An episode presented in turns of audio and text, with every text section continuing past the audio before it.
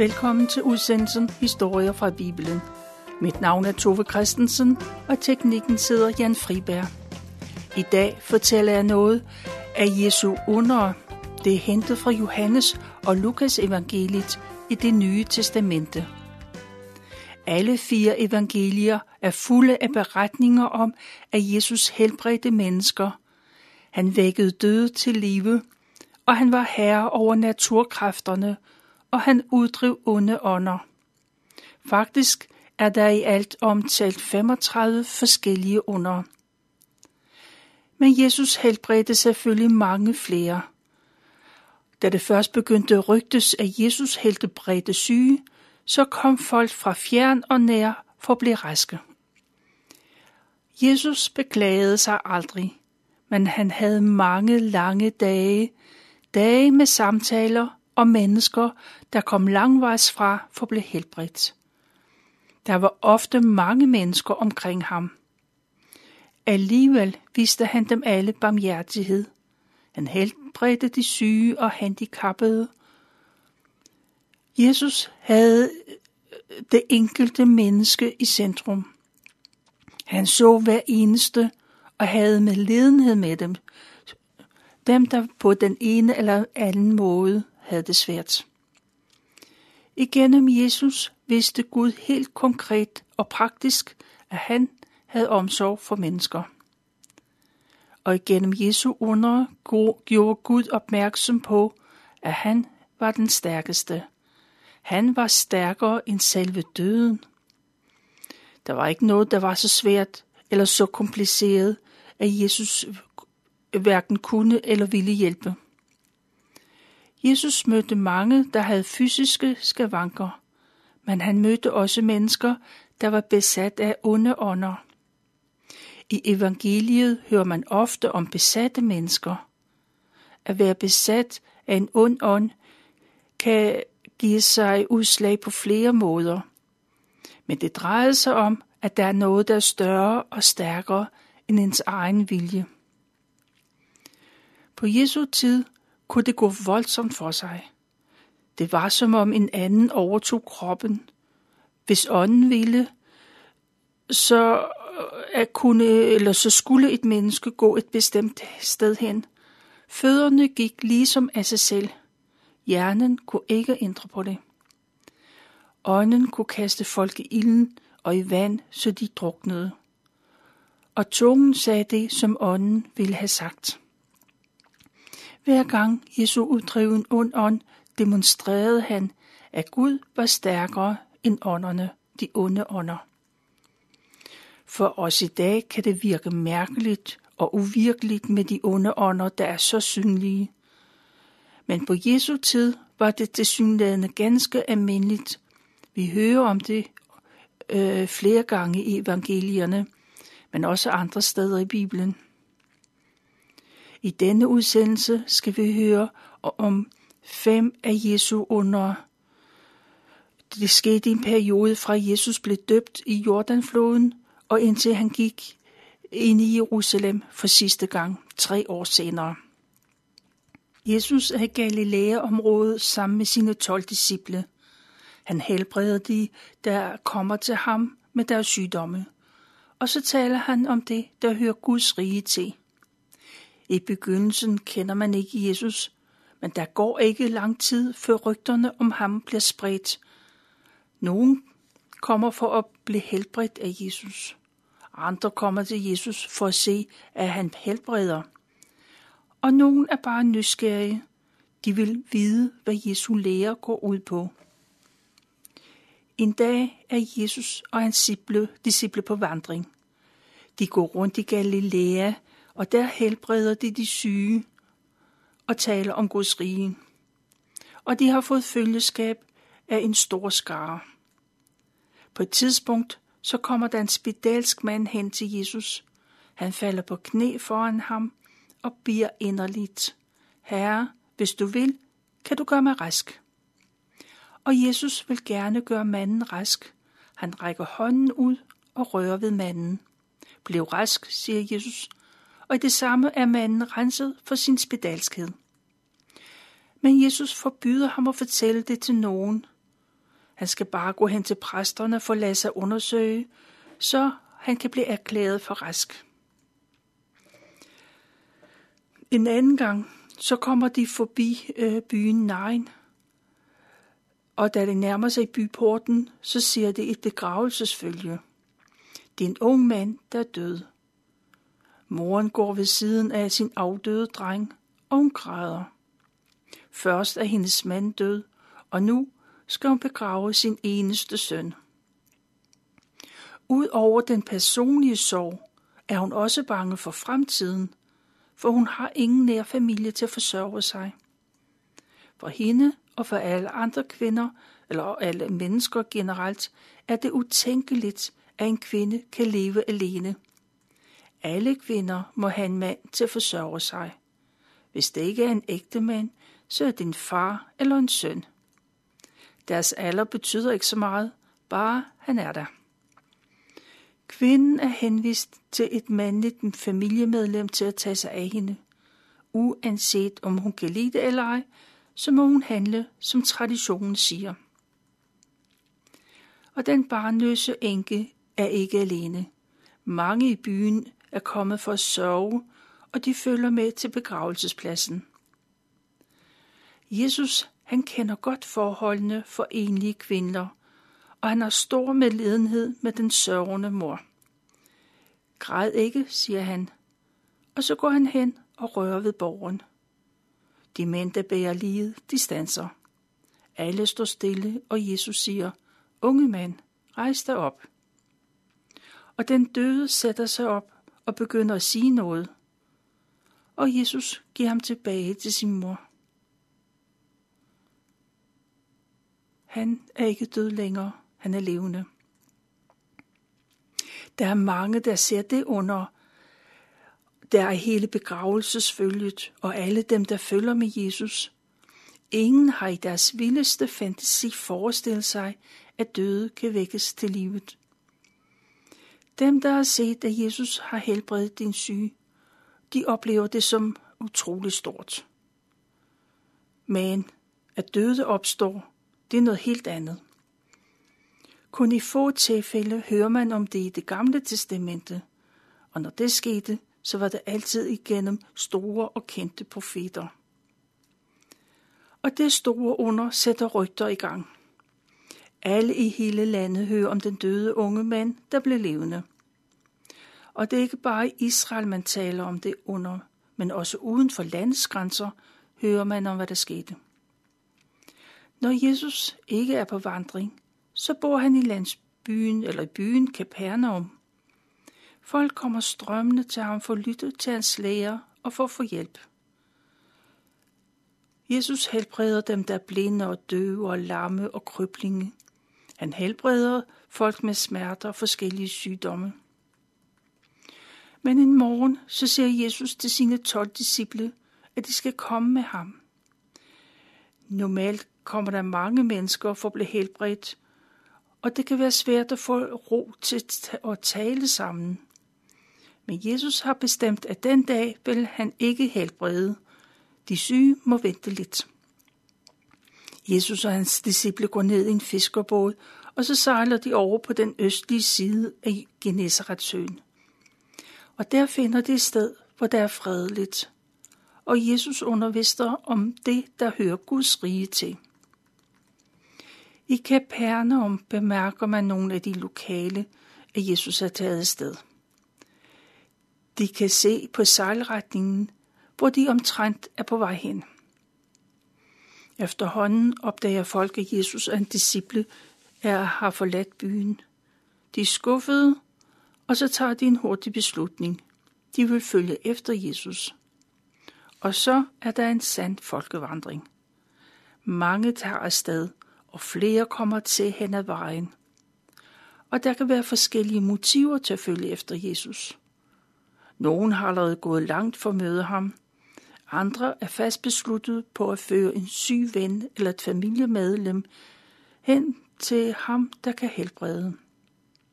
Der er lokale folk, der ikke kan få nok af at se Jesus helbrede. Og der er folk, der vil høre, hvad det er, Jesus siger. Der er mænd, kvinder og børn. Der er unge og gamle, rige og fattige. Folk i alle aldre går den lange vej for at finde Jesus på østsiden af søen. Jesus og hans disciple sejler tværs over på den anden side, og så kommer de til et øde sted, øh, et øde sted og der går de i land. På det grønne græs øh, satte de sig ned, og Jesus begynder at undervise sine disciple. På et tidspunkt så ser Jesus op, og så får han øje på et, en stor skare, der kommer imod sig. De er ikke længere alene. Og Jesus ændrer sin undervisning. Nu taler han ikke kun til sine udvalgte elever, eller disciple, som de bliver kaldt. Jesus har fået en stor og bred tilhørskare, og man lytter til mesterens ord. Tiden går, og det er længe siden, at man tog hjemmefra. Og Jesus tænker, at alle må være blevet sultne. Og så kalder han på sine disciple. Philip får til opgave at finde ud af, hvor man kan købe brød, så alle de mennesker, der er kommet, kan få noget at spise. Jesus spørgsmål er en del af undervisningen. Han ved godt selv, hvad han vil gøre, men han vil teste Philips tro. Philip ser på de mange mennesker, og han tænker på de få penge, de har. Han har ingen løsning. Selv, med, selv hvis man købte brød for en hel årsløn, så ville det alligevel ikke være nok, så alle bare kunne få en lille bitte smule. I øvrigt så havde de jo ikke nogen årsløn. Og man kan tænke på, hvor meget mad man i dag kan købe for en hel årsløn. Det kan nemt blive til flere hundrede tusind kroner. I det samme kommer Andreas. Det er en af de andre disciple. Andreas går hen til Jesus og siger, at her er en dreng. Han har fem bygbrød og to fisk. Andreas ser tvivlende på den lille, men sunde madpakken. Selvom en enkelt har mad med, så er det slet ikke nok til så mange mennesker. Men Jesus tager styringen. Disciplene skal øh, få besked på at sætte sig ned, at folk skal sætte sig ned. Og efterhånden får alle sat sig i græsset. De sidder i små og store grupper på skråningen og nu har man et bedre overblik over, hvor mange der i virkeligheden er. Og som det er skik, så tæller man kun kvinder. Nej, man tæller kun mændene, kvinder og børn, de følger bare med. Men man tæller og når frem til, at der er 5.000 mænd. Jesus tager de fem små bygbrød, og han takker Gud for dem. Og så begynder han at dele brødene ud – Jesus takker for fiskene, og de bliver også delt ud. Jo mere der bliver delt ud, jo mere er der at dele ud af. Den ene gruppe efter den anden får brød og får fisk. Alle spiser sig mætte. Da man er færdig med at spise, så siger Jesus til sine disciple, at nu skal de samle den mad sammen, som der er blevet til overs. Der må ikke gå noget til spilde. Man må ikke ødsle med Guds gaver. Og disciplene samler de til oversblivende sammen. Og man putter det i de store øh, fiskekurve, der ligger i båden. Man samler og samler. Til sidst er der 12 store kurve fulde af mad. Langsomt går det op for folk, hvad der i virkeligheden er sket. De mange tusind mennesker blev mætte af fem brød og et par fisk der oven i købet blev 12 kurve til overs. Ikke små brødkurve, men store arbejdskurve. Folk er fulde af forundring over det under. Mange er overbeviste om, at Jesus må have været den store konge, som Gud har lovet, at der vil komme. Med Jesus som konge behøver de ikke at sulte eller være syge, for Jesus kan helbrede dem. Sådan en konge vil de gerne have. Men Jesus vil ikke være den slags konge. Han er klar over folks hensigter, og så trækker han sig tilbage. Han går længere op ad bjerget for at være alene i bøn til Gud. Og folk er usikre. Mange begynder at gå tilbage for at være hjemme, før det bliver mørkt. Andre sætter sig ned. De regner med at få Jesus at se, når han kommer tilbage. Disciplene venter på deres mester, men han kommer ikke.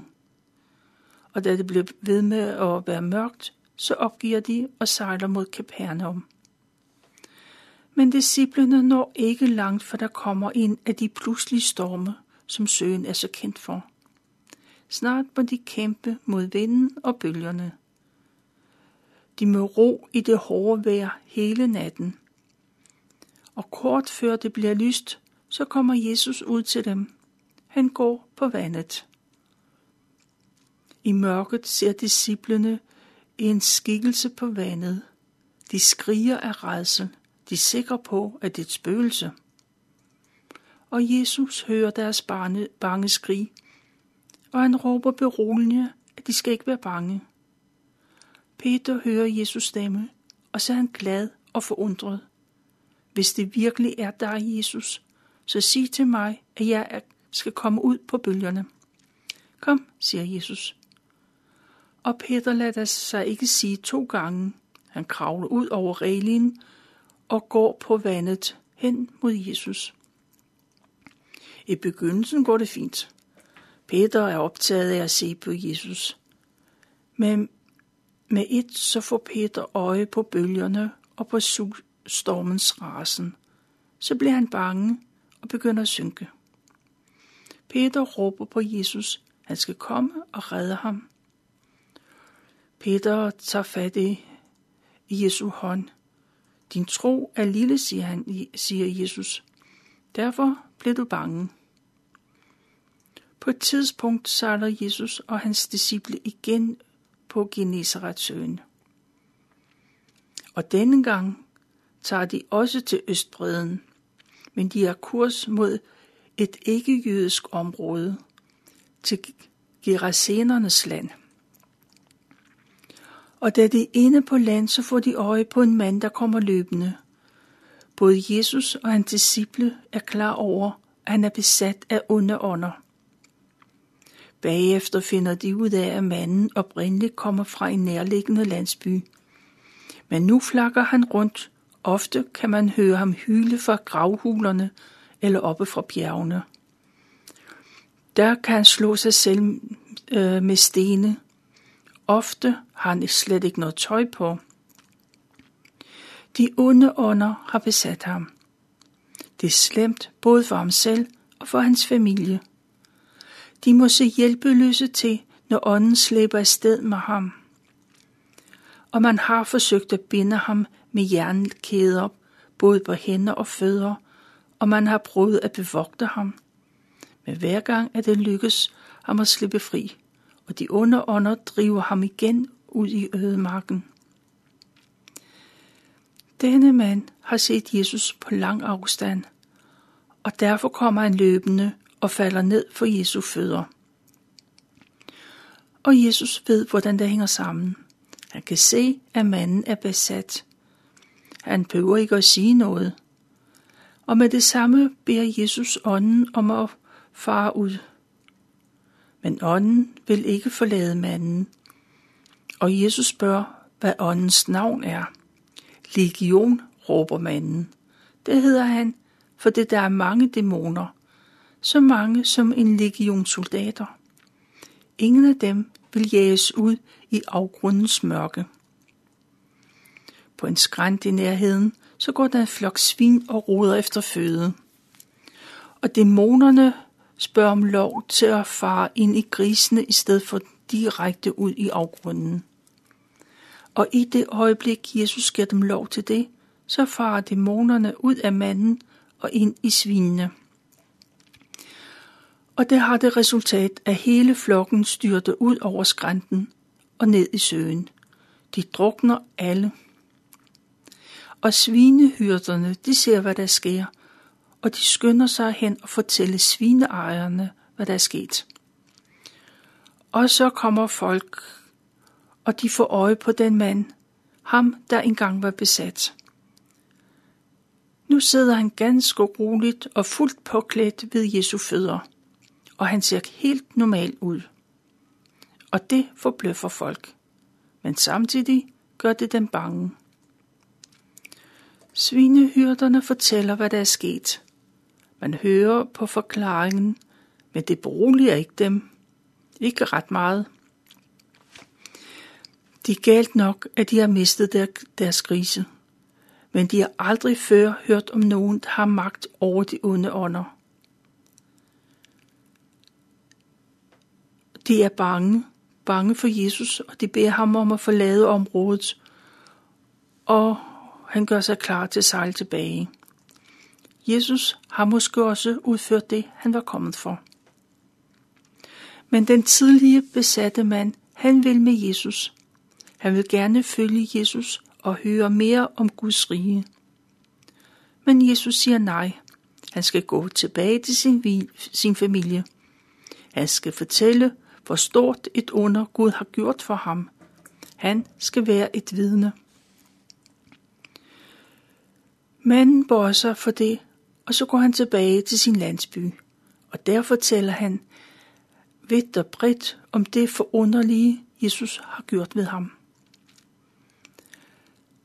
Denne mand har virkelig oplevet noget helt specielt. Han har oplevet, at Jesus er stærkere end de onde ånder, og derfor er nu fri mand. Han er fri til at leve et liv uden frygt. Og det er, hvad jeg valgte at fortælle om nogen af Jesu under. Du kan læse om dem i Lukas evangeliet kapitel 4, Matthæus evangeliet kapitel 14 og Markus evangeliet kapitel 5.